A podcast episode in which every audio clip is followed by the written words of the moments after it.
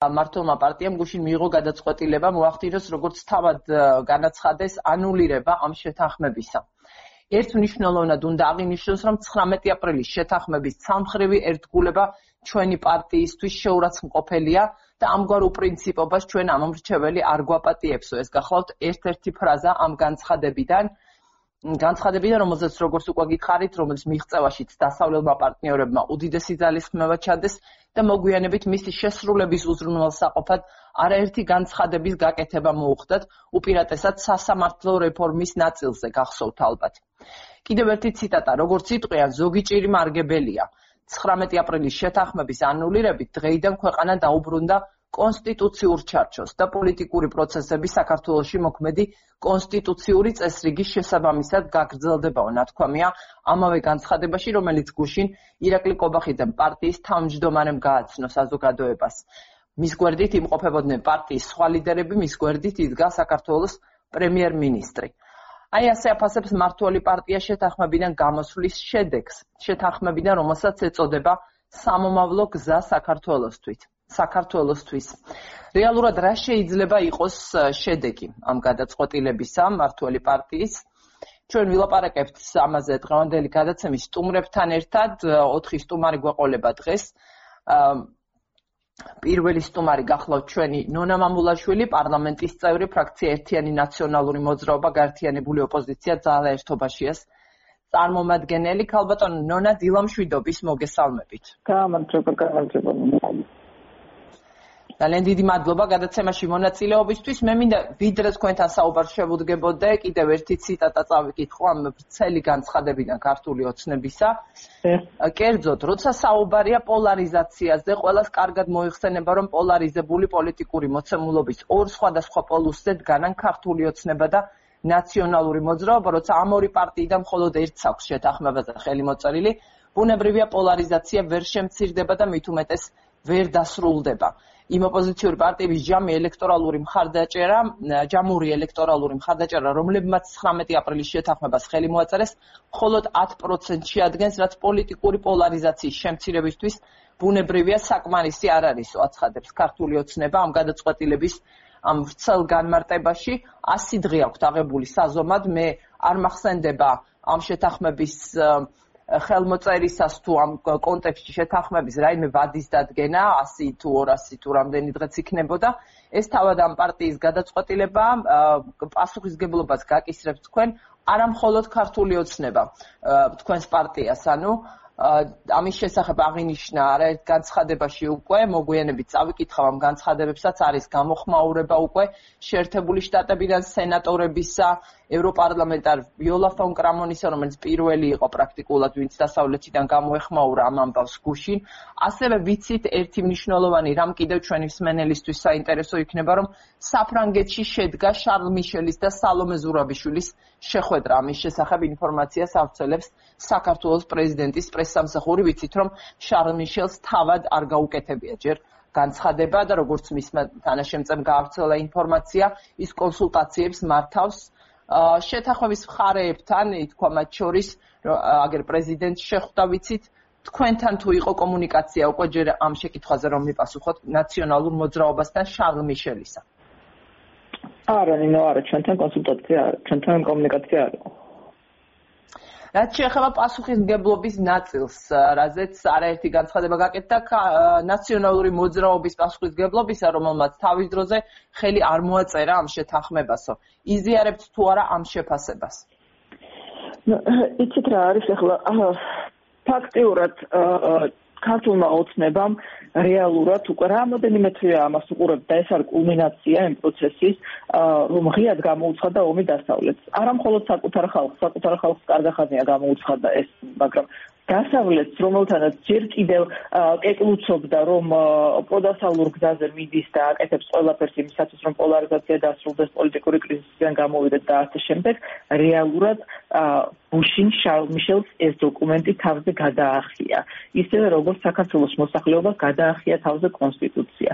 ეს ერთადერთი ახსნა აქვს ამ ყველაფერს. ჩვენ ვხედავთ როგორ ამყარებს ქართული ოცნება დიქტატურას და ეს არის ნაბიჯები გადადგმული იქითკენ რომ ფაქტიურად ბელორუსიის სცენარი ან უკრაინკოუჩის უკრაინის სცენარი წარიმართოს საქართველოში. ეს კარგად აქვს გამოცდილი რუსეთს ამ სახელმწიფოებში და ახლა უკვე გადმოიტანა ეს სცენარი საქართველოში და ამას ახორციელებს ქართული ოცნების ხელით. რაც არ უნდა ილაპარაკოს ახლა ქართულ ოცნებამ და ვიზეც არ უნდა გადავიზეც არ უნდა სადოს რომ გადააბრალოს მან ამ ხელშეკრულებას ხელი მოაწერა, როგორც მართლმა პარტიამ აიღო ვალდებულება და კლავ როგორც მართლმა პარტიამ თავისი ინიციატივით დატოვა ეს ხელშეკრულება. ეს იმას ნიშნავს, რომ მათთვის არანაირი დასავლური ღირებულება, არანაირი მეგობრები, სტრატეგიული პარტნიორები აღარ დარჩა დასავლეთში და ის კრიტიკის ზღვა რაც წამოვიდა ბოლო რამოდენიმე თვის განმავლობაში არის ამის მაჩვენებელი. ჩვენ ვხედავთ რომ უკვე აღარც აღარც აქვს სურვილი რომ უფრო ამ დაფრად გააკრიტიკონ ქართული ოცნების ხელისუფლება, იმიტომ რომ აქ უკვე არის ლაპარაკი იმაზე, რომ ამ ხალხს არ ესმის არანაირი არც კრიტიკა, არც რეკომენდაცია. აქ უკვე ლაპარაკი არის პირობითობაზე, რაზეც დაიწყო უკვე ლაპარაკი ევროკავშირმა და მიშელის ჩამოსვლის დროსაც გაჟღერდა ეს და ასევე გაიმეორა სენატმა გუშინდელ განცხადებაში. რას ნიშნავს პირობითობა? ამ ეტაპისთვის ეს იმას ნიშნავს, რომ ჩვენ დასავლეთისგან ფულს ვეღარ მივიღებთ. აი ასე მარტივად. ამავე განცხადებაში სენატორების ისევ ჩემს კითხვას უბრუნდები ნათქვამი არის. იმედგამაცრუებელი იყო რომ ყველა არჩეულმა პარტიამ შეთანხმებას ხელი არ მოაწერა. ან კეთილსინდისიერად არ შეასრულა. ნათელი აქ ვისზე რა პასუხისგებლობა ნაწილდება. ისევ უბრუნდები ამ საკითხს. გრძნობ თუ არა პასუხისგებლობას იმაზე რომ თავის დროზე არ მოაწერეთ ხელი იზიარებთ თუ არა ამ შეხედულებას ნაციონალური მოძრაობა და დღეს რა რა რას ეფუძნება, რაზე იქნება დამყარებული თქვენი გადაწყვეტილება, რომელიც ჯერჯერობით ვიცი რომ არ მიუღია პარტიას. კი, შეიძლება ამ შესახებ აუცილებლად გაცნობთ, მაგრამ რაც შეეხება ჩვენს გადაწყვეტილებას ამ შეთანხმებასთან დაკავშირებით, ჩვენ ამაზე ძალიან ხშირად ვისაუბრია და ახლაც გავიმეორებ იმას, რომ ჩვენთვის იყო მიუღებელი ის პუნქტი და ის პოლიტიკური შანტაჟი, რომელიც ამნისტიის სახით ქართულ მოძებნებამ დაიწყო ნიკამელიას წინააღმდეგ, ყველაფერ დანარჩენზე ჩვენ თანხმობა განვაცხადეთ, აბსოლუტურად ყველა პროცესში ჩავერთვეთ, შედაუბრუნდით პარლამენტში და გავაგრძელეთ საქმიანობა პარლამენტში ისე, როგორც ჩვენი დასავლელი პარტნიორების რეკომენდაცია იყო. ანუ ამ შემთხვევაში ჩვენ აბსოლუტურად მივყევით შეთანხმებას და რეალურად ერთადერთი პუნქტი რომლის გატანასაც ქართულების მხრიდან ველოდებოდით და ამნისტიის შესახებ კანონი მას შემდეგ ნაციონალური მოძრაობა მოაწერდა ხელს ხელშეკრულებას და ამის შესახებ ჩვენ პარტნიორებსაც უცხარით და იყო ზოგადად საზოგადოებისთვისაც ცნობილი. ასე რომ ჩვენ უარი არ გვითქვამს შეგვესრულებინა ის პუნქტები, რაც იყო დაწერილი ამ ხელშეკრულებაში. ანუ რეალურად არც ყოფილა მცდელობა ჩვენი მხრიდან რომ ჩაგვეშალა ეს შეთანხმება. ამოვედით სრულ თანამშრომლობაზე, მაგრამ ვნახეთ, რომ ეს სრული თანამშრომლობა ქართულოცნებას არ აწყობს და ძალიან სამწუხაროა ის, რომ ეს ნაბიჯები გადაიდგა და რეალურად ქართულოცნებამ რომელმაც საკუთარი კვლევებით, საკუთარი კვლევებით დაინახა, რომ ის 53%-ს კი არა, 45 25%-საც ვერ აიღებს. ანუ გადაძგა ეს ნაბიჯი, იმიტომ რომ მათთვის პრინციპულია, რომ ხელისუფლება შეინარჩუნონ ნებისმიერ ფასად.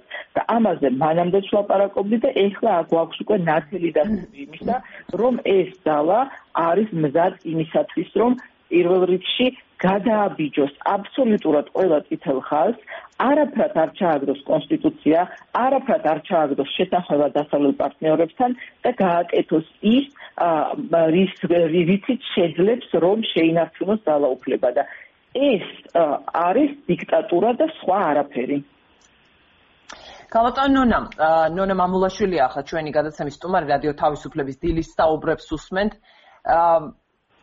რისთვის არის თქვენ ლაპარაკობთ რისთვის არის ზად ქართული ოცნება ძალაუფლების შესანარჩუნებლად კრიტიკა ამ გადაწყვეტილების მიმართ ცალსახა არის და ნათელი იყო რომ წამოვიდოდა და კიდევ მეტი იქნება როგორც ჩანს მაგრამ რისთვის არის მზად ნაციონალური მოძრაობა და რა პროცესში ხართ ახლა? რას გულისხმობს კონსულტაციები? რის გარკვევას ელოდებით თქვენ გადაწყვეტილების მისაღებად?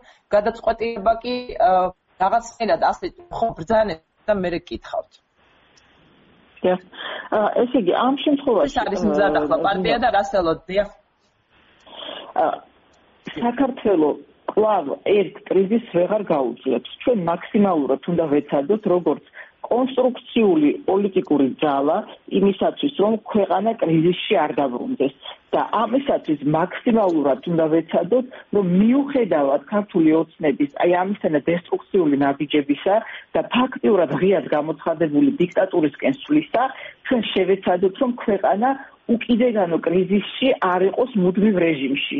ეს ქვეყანას ანადგურებს, ეს ღლის ჩვენ დასავლელ პარტნიორებს, ეს იწევს ნიჰილიზმს ჩვენს მოსახლეობაში და ეს არის ძალიან მავნე პროცესები ზოგადად ქვეყნისათვის, იმიტომ რომ ჩვენ განვითარებაზე უკვე აღარ ვლაპარაკობ, ელემენტარული მომავლის იმედი დავაკარგინეთ ხალხს ამ ბოლო პერიოდში, იმიტომ რომ აი ამისთანა რუსულ თამაშს თამაშობს ეს მავნებელი ძალა და ჩვენ არ უნდა აუყვეთ ამ რუსულ თამაშში და ჩვენ მაქსიმალურად უნდა შევძლოთ ის რომ კვლავ კრიზისში არ დაბრუნდეს ქვეყანა. აა ეს ეს ხედვა გასაგებია, მაგრამ უფრო რომ დავაზუსტოთ, გუშინ ამ გადაწყვეტილების, ასე ვთქვათ, გასაჯაროებიდან მალევე აა ჩვენ მოვისმინეთ ზურაბ გირჩიჯაფარიძის გადაწყვეტილება დატოვოს პარლამენტი. დავით ბაქრაძის განცხადება გავრცელდა ტექსტური ასე ასეთივე შინაარსის. განიხილავს თუ არა ერთიანი ნაციონალური მოძრაობა პარლამენტის დატოვების საკითხს. თუ არის შესაძლებელი ახლა ამაზე ლაპარაკი სხვადასხვა ვერსიას განვიხილავთ ნინო ამ შემთხვევაში. მე ვერ გეტყვით ჯერჯერობით რომელზე შევჯერდებით ამიტომ როდესაც გვექნება გადაწყვეტილება ამაშინ შევძლებთ უკვე ამის შესახებ ამის შესახებ საუბარს. ამ ეტაპისთვის ვერ გაგიკეთებთ კომენტარს სამწუხაროდ. შეგვიძლია თუ არა ლაპარაკი კონსულტაციებში მონაწილე თაწრეზე ვისთანაც თქვენი პარტია აპირებს ან უკვე აწარმოებს კონსულტაციებს. ერთი ალბათ ოპოზიცია თავად რა თქმა უნდა ოპოზიცია და ჩვენ რა თქმა უნდა დასავლეთსაც ველაპარაკებით, იმიტომ რომ არ შეიძლება რომ დასავლეთთან ასეთი ურთიერთობა კონდეს საქართველოს სახელმწიფოს, იმიტომ რომ ჩვენ ფაქტიურად აქამდე მოვედით ჩვენი დასავლელი პარტნიორების მხარდაჭერით და ახლა ის პროცესი რაც წაიყვანა ქართულმა ოცნებამ არის ძალიან საშიში ძალიან საშიში და ვხედავთ რომ რეგიონში როგორ შეიცვალა პოლიტიკური ვითარება.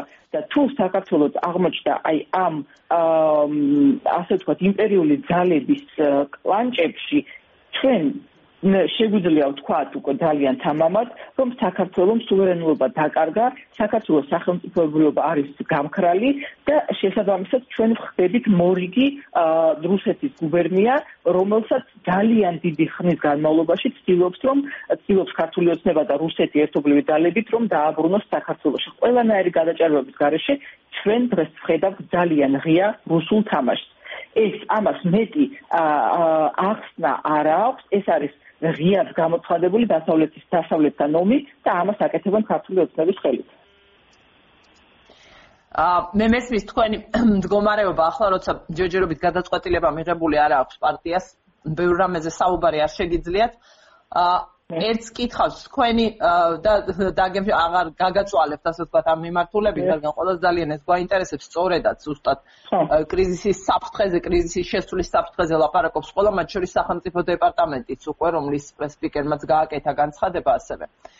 არის თუ არა მზად პარტია ნაციონალური მოძრაობა მიიღოს გადაწყვეტილება რომელიც შესაძლოა სარისკო აღმოჩნდეს მისთვის ამომრჩევლის ამომრჩეველთან მის ამომრჩეველთან ურთიერთობაში, მაგრამ მნიშვნელოვანი იყოს კრიზისიდან გამოსასვლელად. რადგან გადაწყვეტილება, რომელიც ქართულმა ოცნებამ მიიღო, თავადაც აცხადებს ის, რომ მან მიიღო პარტიული ინტერესიდან გამომდინარე გადაწყვეტილება, თავი რომ დავანებოთ გარე შეფასებებს.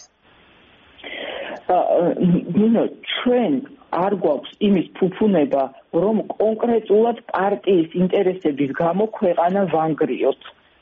არ შეიძლება და არ გავაკეთებთ, იმიტომ რომ ქვეყანას აქვს ძალიან სერიოზული პრობლემები. იმიტომ რომ კონკრეტულმა ძალებმა პარტიული ინტერესების გამო სახელმწიფოებრივი ინტერესები გადაიტანეს მეორე პლანზე. ჩვენ არ შეგვიძლია თუ ჩვენ რეალურად სახელმწიფოებრივად ბაზროვნებთ და გვინდა რომ ამ ქვეყანამ პროგრესი განიცადოს და გამოვიდეს ამ კრიზისიდან, რომელიც უკვე დაუსრულებელია ამ ძალის მართლობის პერიოდში, ჩვენ უნდა გადავდგათ ნაბიჯი, რომელიც იქნება ქვეყნისთვის სასარგებლო და არ დაგვაბრუნებს იმ კრიზისში, რომელშიც ვიმყოფებით ბოლო 2 წელია, ამ ძაფრ კრიზისში, რასაც გულისხმობ. კალატონონას იყო კიდევ განსხვავებული შეფასებებით, თვლით თუ არა რომ ეს შეთანხმება დასრულდა.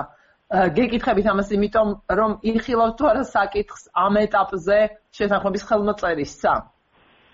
ც ნინო ამ ეტაპზე ხა ამ ხელშეკრულებას რაც შეეხება ფაქტიურად პარტია რომელიც იყო ვალდებული რომელმაც აიღო ვალდებულება რომელიც არის მართველი პარტია და ნახეთ ჩვენ რომ ბევრმა ჩვენებობარმა და ასრულმა პარტნიორმა თქვა რომ მიუხედავად იმისა რომ რა თქმა უნდა ოპოზიციასაც მოუწოდებს ამ შესრულება ამ შეთანხმების შესრულებისკენ ძირითადი ვალდებულება ამ შესრულება ამ ხელშეკრულების შესრულების ეკისრება მართლ ძალას ამიტომ მართლმა ძალამ დატოვა ეხლა ეს ხელშეკრულება და ამ ხელშეკრულებას მოვაწეროთ ვისთან არსებულ ოპოზიციურ პარტიებთან და რა გავაკეთოთ მე? გასაგებია. ხო. დიდი მადლობა. ძალიან დიდი მადლობა გადაცემაში მონაწილეობისთვის. გემშვიდობებით ნონა მამულაშვილი იყო ჩვენი გადაცემის პირველი სტუმარი დღეს რადიო თავისუფლების დილის საუბრებისა ერთიანი ნაციონალური მოძრაობის წევრი.